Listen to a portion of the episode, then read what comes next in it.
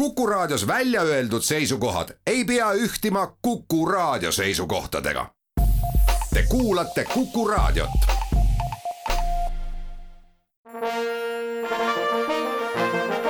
Vanemuise veerand tere kõigile raadiokuulajatele, eetris on selle aasta esimene Vanemuise veerand. kuku raadio stuudios tervitavad teid lavastaja Priit Strandberg, tere Priit! tere! ja saatejuht Tiiu Rööp. Priit, sul on suurepärane võimalus, ainulaadne võimalus Vanemuise teatri poolt Kuku raadio kuulajaid uue aasta puhul tervitada ja kui soovid, siis neile midagi soovida.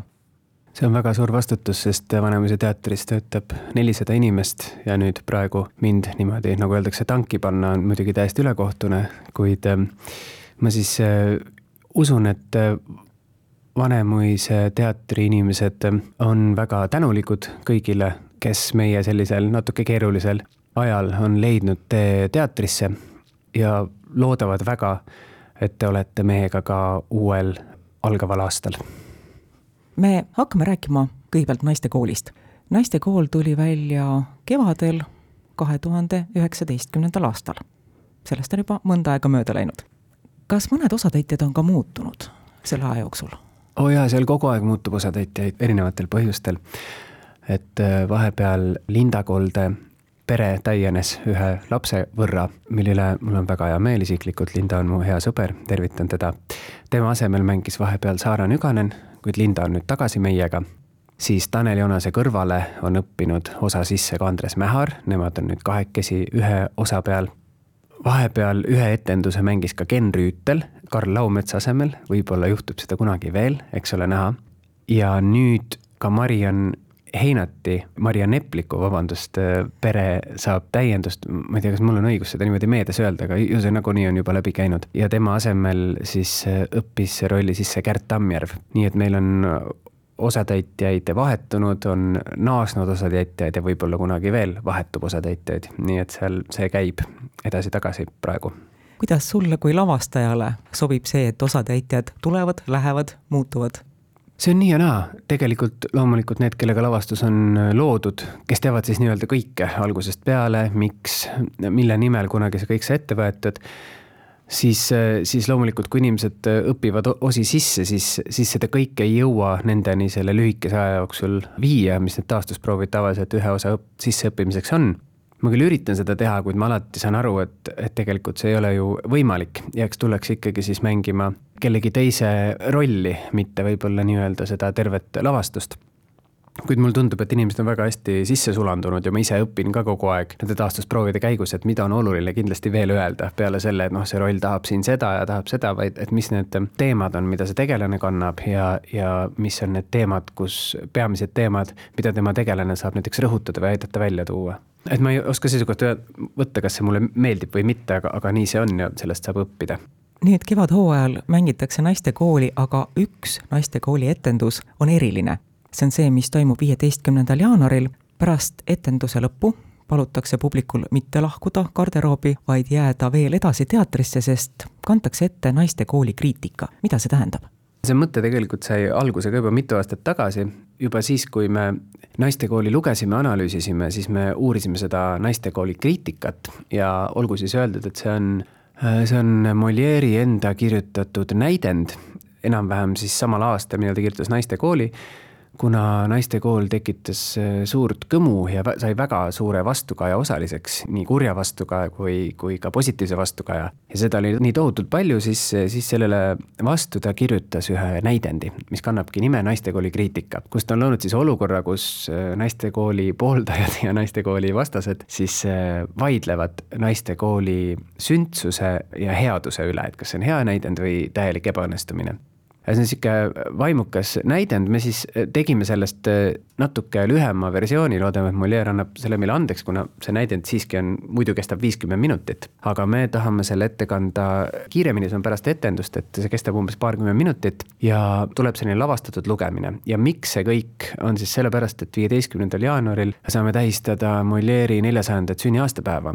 mõned aastad tagasi nägin, et see on kohe saabumas ja kui me otsustasime, et kui naistekool veel kavas on sel ajal, et siis kindlasti peaks ette kandma ka naistekooli kriitika, et tähistada Molieri sünniaastapäeva. ja seda me siis viieteistkümnendal jaanuaril pärast etendust ka, ka teeme. paslik oleks öelda ka, kes seal siis mängivad või kellega me seda loeme, et kuna trupp just lõpetab mängimise, siis äh, naistekooli trupp, siis, siis äh, need ei ole samad näitlejad, vaid seda me teeme siis koos Vanemuise värskete näitlejatega, kõik on värsked, aga nemad on siis värskelt Vanemuisesse saabunud. Maarja Mägi, Leena Luhse, Ken Rüütel, Kaarel Poga ja Oskar Seeman ning siis ka hästi värskest näitlejast, kes on mõnda aega juba Vanemuises töötanud, on ka Ragne Pekarev meiega ja siis üks äh, mitte nii värske Priit Strandberg loeb seal ka kaasa. Ilmselt tuleb siis ka selline miniatuurne paus naistekooli etenduse ja naistekooli kriitika vahele, ma usun, see on paar minutit võib-olla, kus siis, kui keegi tõesti peab jooksma bussi peale või kes ei saa jääda erinevatel põhjustel, et neil on võimalus lahkuda, et see ei, ei ole nagu üldse, et teater ei ole kunagi kohustuslik, aga et, et keegi ei pane teid nurka, kui te lahkute pärast naistekooli etendust. kuid siiski sinna sellist suurt vaheaega vahele ei tule, et need lähevad ikkagi väga järjest. aga et kellel tõesti on vahel võimalus minna, siis, siis ta saab seda piinlikkustundeta teha. kas ei ole mõnes mõttes, ma kasutan nüüd sõna raiskamine, et seda tehakse ainult üks kord? suur hulk ettevalmistustööd ja seda näeb ainult ühel korral, ainult ühel õhtul äkki siis seda, seda põnevam, et, et seda põnevam või kutsuvam ta on, et äh, me ei tea veel ise ka, mis sellest täpselt saab, et me, kõigil käivad tegelikult teiste lavastustega proovid, nagu Suures teatris ikka on, et eks me niimoodi kõikide asjade kõrvalt üritame üritame seda teha ja me veel tõesti üldse veel ei tea, milline see tuleb, kui, kui palju me jõuame proovi teha ja kui palju me jõuame seal lugeda või mängida või, aga, aga igal juhul me oleme selle eesmärgi võtnud ja, ja jõuame millegagi suudame välja tulla, aga ma ei oska öelda jah, et, et tundub, et, et see näidend ise on ka selline tegelikult üsna lugemisnäidend. Ja muidugi oleks seda tore mängida, aga ta töötab ainult selles kontekstis, kui sa oled näinud naistekooli ja eriti, kui sa oled näinud seda just äsja, et tema selline potentsiaal olekski võib-olla ainult naistekooli sabas, aga aga ajad on selles osas muutunud, et kui inimene ikkagi kaks nelikümmend on juba teatris istunud, siis ta võib-olla ei taha pärast kahekümneminutilist pausi tutvuda uute tegelastega vaadata veel viiskümmend minutit ühte teist näidendit, naistekooli kriitika. sellepärast ma arvan, sellele näidendile on just sobilik,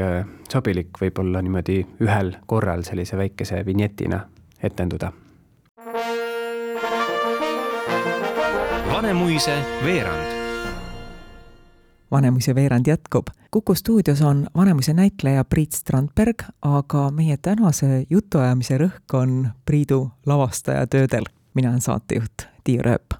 aprillis tuleb sul välja järgmine lavastus. see on Shakespeare'i Tõrksa taltsutus. ütle, kas Shakespeare on selline autor, kelle näidend Sadama teatrisse ära ei mahu? mahub kindlasti. Molieri mängitakse Sadama teatris, Shakespeare on Suure Maja laval mm. Jaa, ta, ta mahub igale poole, ma arvan, ta kindlasti annab teda teha suurel laval ja annab teha Sadamateatris ja, ja veel väiksemal laval. kuidagi asjaolud niimoodi läksid, et ja ma muidugi ise mõtlesingi seda suurele lavale, seda näidendit ja, ja see, see on ka mitmes aspektis, et võib-olla just nagu ka täiendada sellist suures majas mängitavat draamarepertuaari ühe Shakespeare'i näidendiga, mis on, mis mulle väga meeldib, et just noh, ta on väga selles mõttes sarnane Molieriga, et et need on vaimukad näidendid, tegelikult komöödiad, kus ei puudu nagu sisuline külg, et ta eesmärk ei ole ainult olla naljakas, vaid, vaid tegelikult räägitakse mingitest teemadest. ja mulle isiklikult see kombinatsioon teatris väga meeldib või pakub huvi, et kui näitleja mängib komöödias ja publik ei naera, et siis ta ei, ei tunne ennast seal üleliigsena, et mul pole põhjust siin olla, sest publik ei naera, aga, aga et ta saab mängida mingi muu, millegi suurema eesmärgi nimel ja väga tore, kui inimesed naeravad ka aga see komöödia tähistab seal rohkem sellist nagu mängustiili ja mängulaadi ja loo rääkimise mm, stiili just. et ja sellepärast ma arvan, suurele lavale võiks olla hästi sobilik ja jällegi näitlejale pakkuda väga väljakutsuvat ja, ja põnevat tööd. kas Tõrksa taltsutuse trupp on sama, mis naistekoolis? ei. täiesti teine?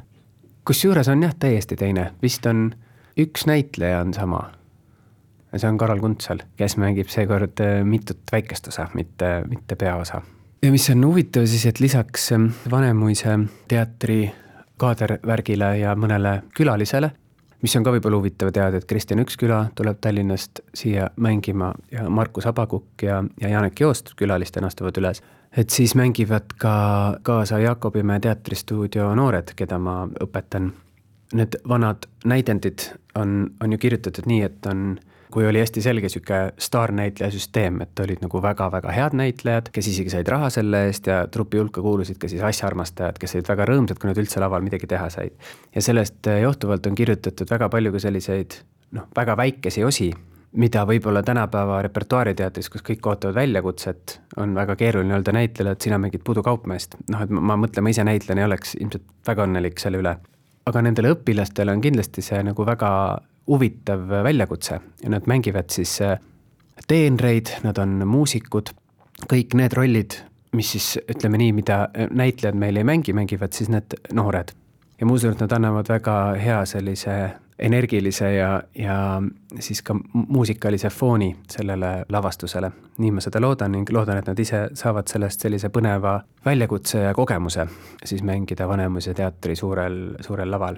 ja mis selle tõrksa taltsutuse kohta veel, et see teema muidugi on kuum, eks ole, et kuna see näidendi sisu on ju, või noh, lugu on ju selles, kuidas üks mees taltsutab ühe hästi tõrksa naisterahva. et mul on hea meel selle üle, et peaaegu kõik näitlejad, kellelt olen küsinud, et kas tahaksid tõrksa taltsutust teha siis nad on küsinud, vau, et, et selline näidend praegu, et kuidas sa seda mõtled ja siis ma olen saanud avada, kuidas ma seda mõtlen. ja see on huvitav nende ajatute heade tekstidega, kuidas nad ikkagi üle aja lugedes nad võivad nagu täielikult omandada uue tähenduse, isegi näidendi pealisülesanne võib muutuda. aga et see tekst ikkagi elab mingit elu.